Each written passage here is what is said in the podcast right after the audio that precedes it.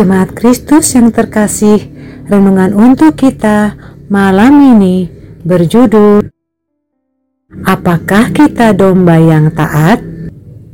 Dan bacaan kita diambil dari Matius 10 ayat 16 sampai dengan 20. Beginilah firman Tuhan. Lihat, Aku mengutus kamu seperti domba ke tengah-tengah serigala. Sebab itu, hendaklah kamu cerdik seperti ular dan tulus seperti merpati.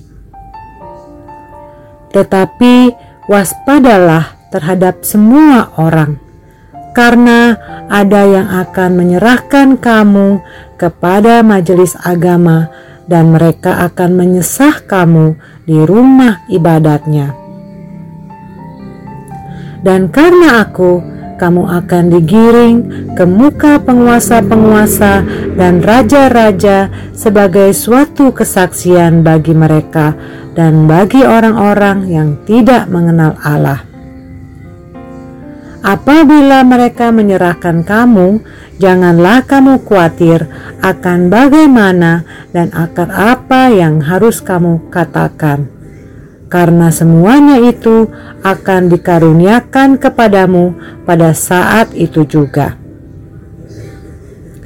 Karena bukan kamu yang berkata-kata, melainkan roh Bapamu. Dia yang akan berkata-kata di dalam kamu. Sebenarnya, apa yang dikatakan Tuhan dalam bacaan kita saat ini adalah sebuah hal yang pasti dan tidak bisa kita hindari.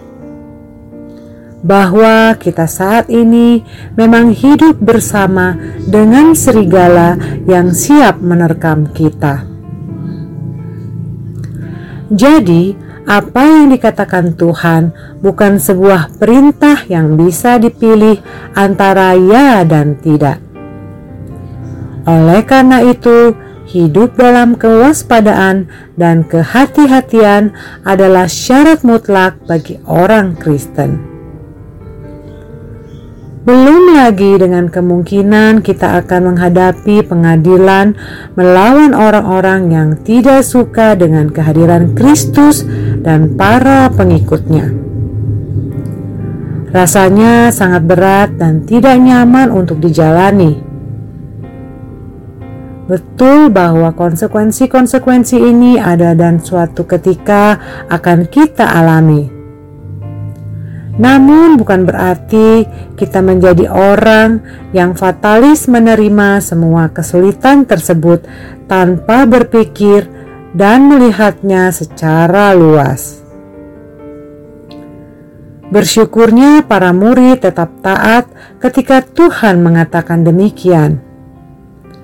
Mereka mengerjakan tanggung jawab mereka sebagai pewarta Injil yang ditentukan Allah. Para murid menjadi teladan kita tentang hidup taat. Walaupun ada bahaya yang siap menghadang, mereka tetap menunjukkan diri sebagai orang yang berintegritas. Lalu, bagaimana dengan kita? Apakah kita hanya sekedar mencari berkat seperti yang dilakukan banyak orang Kristen di luar sana? atau kita mau belajar menjadi domba-domba yang taat yang juga mengerjakan tugas dan tanggung jawab kita sebagai orang Kristen semaksimal yang dapat kita kerjakan.